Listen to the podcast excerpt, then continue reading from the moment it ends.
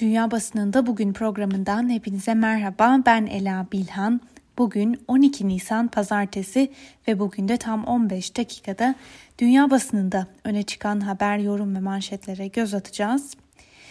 Bültenimize Rusya ve Ukrayna arasındaki gerilime dair birkaç haber ve yorumla başlayalım. Sonra bültenimize her zaman yaptığımız gibi Amerikan basınıyla da devam edelim.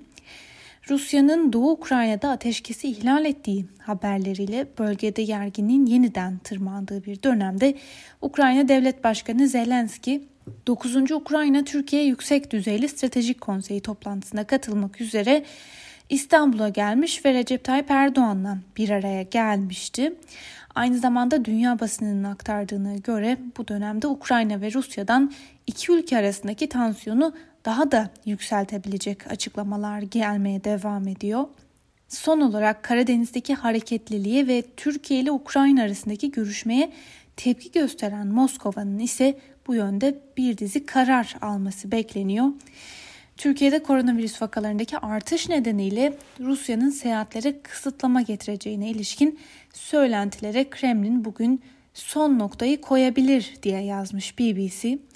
Rus basını hafta sonunda Türkiye'ye seyahati kısıtlama getirme veya dönüşlerde 14 gün karantina uygulanması gibi seçeneklerinde gündemde olduğunu yazdı. Konunun bugün Rus hükümeti tarafından karara bağlanabileceği de aktarılıyor.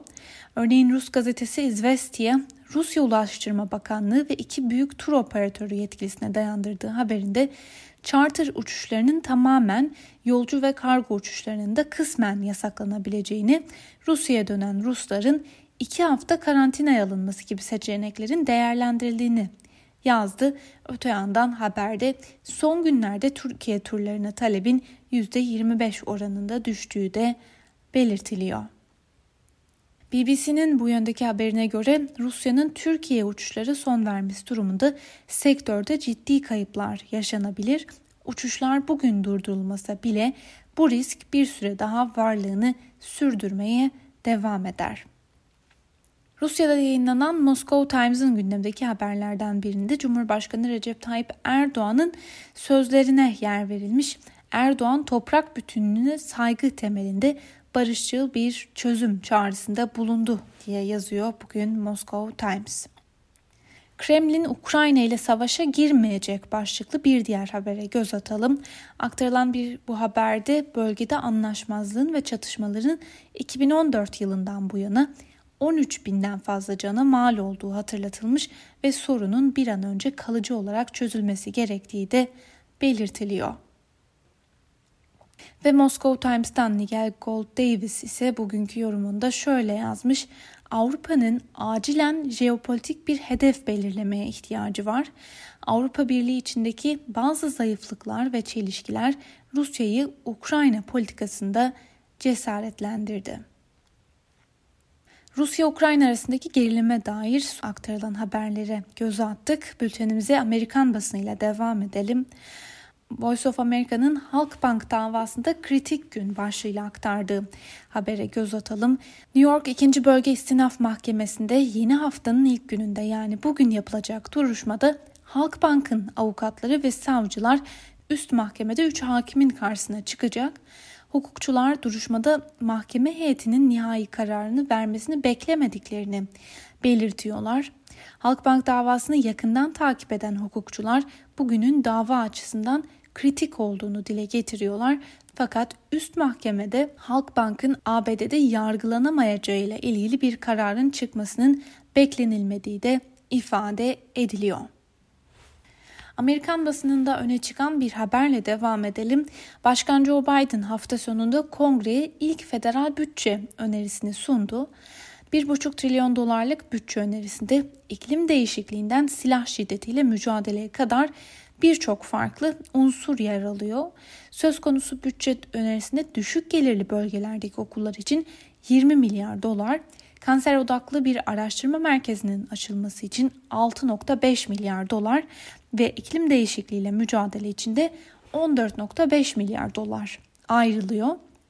Bütçede 700 milyar dolarlık savunma bütçesi için sadece %1.6'lık bir artış öneriliyor.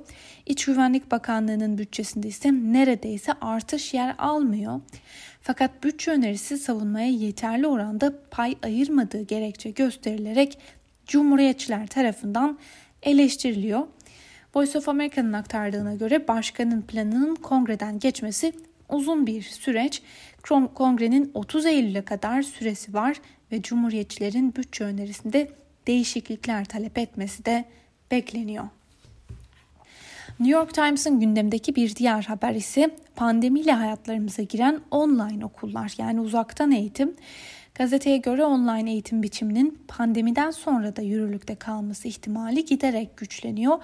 Bazı aileler bağımsız bu sanal okulları tercih etmeye başladılar. Eyaletler ise bu yönde girişimlerini hızlandırıyorlar fakat yine de uzaktan eğitim ile ilgili sorular ve sorunlar devam ediyor. Eski ABD Başkanı Donald Trump Florida'da Cumhuriyetçi bağışçılara hitaben bir konuşma yaptı. Trump gelecek yıl kongre seçimlerinde Cumhuriyetçilerin koltuk kazanmasına yardım edeceğini, destek vereceğini açıkladı. Trump konuşmasında Senato azınlık lideri Mitch McConnell ve eski başkan yardımcısı Mike Pence'i sert sözlerle eleştirdi. Trump Temsilciler Meclisi ve Senato'yu da yeniden kazanacaklarını söyleyerek 2024 başkanlık seçimlerinde bir cumhuriyetçi kazanacak dedi. Kendisinin 2024 yılında yeniden aday olup olmayacağı ile ilgili olarak da 2022 seçim sonrasını işaret etti. Washington Post'un gündeminde bugün Floyd davası var. Gazete ABD'de polislik yargılanıyor başlığıyla aktardığı haberde gündemdeki George Floyd davasında cinayet suçlamasıyla yargılanan eski polis memuru Derek Chauvin'in sadece güç kullanmış olmasının değil aynı zamanda polis şiddetinin ve sistematik ırkçılığın davayı daha da önemli kıldığını yazmış. Öte yandan hafta sonunda Minneapolis'te polis tarafından vurularak öldürülen siyah vatandaşın ise bölgede protestoları alevlendirdiği belirtiliyor. Ve bir diğer haber ise göçmen krizine dair. Buna göre Biden yönetimi son aylarda sayıları her geçen gün artan göçmenler nedeniyle köşeye sıkışmış durumda. Son olarak yeni bir gelişme ise yönetimi daha da zor bıraktı. Washington Post'a göre buna göre Meksika'nın yeni göçmen politikası Biden'ın sınır sorunlarını daha da büyüttü. Meksika Biden yönetiminin sınır dışı etmeyi planladığı Orta Amerika ailelerin çoğuna yer olmadığını söylüyor. Amerikan basınından aktardığımız bu haber ve yorumların ardından bültenimize İngiliz basınıyla devam edelim. Bugün İngiliz basınının en önemli gündem maddelerinden biri geçtiğimiz cuma günü 99 yaşında hayatını kaybeden İngiltere Kraliçesi 2. Elizabeth'in eşi ve Edinburgh Dükü Prens Philip'e ait. Kraliçe Elizabeth'in fotoğrafını ilk sayfasına taşıyan Daily Telegraph gazetesi cenaze töreninin 17 Nisan'da yapılacağını aktarırken ölümün Kraliçe Elizabeth'i sarstığını ve onun hayatında büyük bir boşluğa yol açtığını yazmış. Guardian gazetesinin gündeminde sistematik ırkçılığa dair bir analiz var. Buna göre İngiltere'de salgın döneminde genç siyah işçi kesimlerinin beyaz meslektaşlarına göre 3 kat daha fazla işsiz kaldıklarını gösteren bir rapor yayımlandı. Gazeteye göre siyah genç işsizlik oranı 2020 yılının son çeyreğinde Brixton isyanları sırasında 1980'lerin başındakiyle aynı seviyeye yükseldi. Gazete bu konuda aktardığı haberde uzmanların pandeminin iş piyasasındaki köklü eşitsizlikleri açığa çıkardığı konusunda uyardığını da ekliyor. Öte yandan İngiltere'de koronavirüs önlemleri de bugün itibariyle bir kademe daha gevşetiliyor. Hükümetin açıkladığı politika kapsamında aylar sonra pubların, restoranların, kafelerin, bahçelerinin, mağazaların, kapalı havuzların ve kuaförlerin açılacağı açıklandı. Ay gazetesinin gündeminde bu haber var. Buna göre ülkede salgına dair açıklanan yeni raporlarla insanlar dikkatli olmaya teşvik ediliyor. Raporlar İngiltere'deki insanları sorumlu davranmaya teşvik ediyor diye yazmış gazete. Buna göre normalleşme sürecine giren İngiltere'deki kepenkler açılırken dikkatli olunması isteniyor. Bilim insanları sosyal mesafenin gözlenmemesi durumunda vakaların yeniden artabileceği konusunda uyarıyor. Öte yandan Birleşik Krallık'ta cumartesi günü rekor sayıda ikinci doz uygulandı. Cumartesi günü 475 binden fazla kişi aşılandı. Eurotopics'in bir haberiyle devam edelim. Kuzey İrlanda'da yaklaşık bir haftadır geceleri çatışmalar yaşanıyor. Ancak köşe yazarlarına göre çatışmaların tek nedeni Brexit'ten bu yana Britanya ile İrlanda yanlısı güçler arasındaki artan gerilim değil. Olayların perde arkasında kötü toplumsal e, koşullar olduğunu söyleyen The Spectator şöyle diyor. Birlikten yana olan siyasetçiler bu yıkıcı şiddeti dizginlemek için durdurak bilmeyen taraftarlar ile ilişki kurmanın yolunu bulmalı.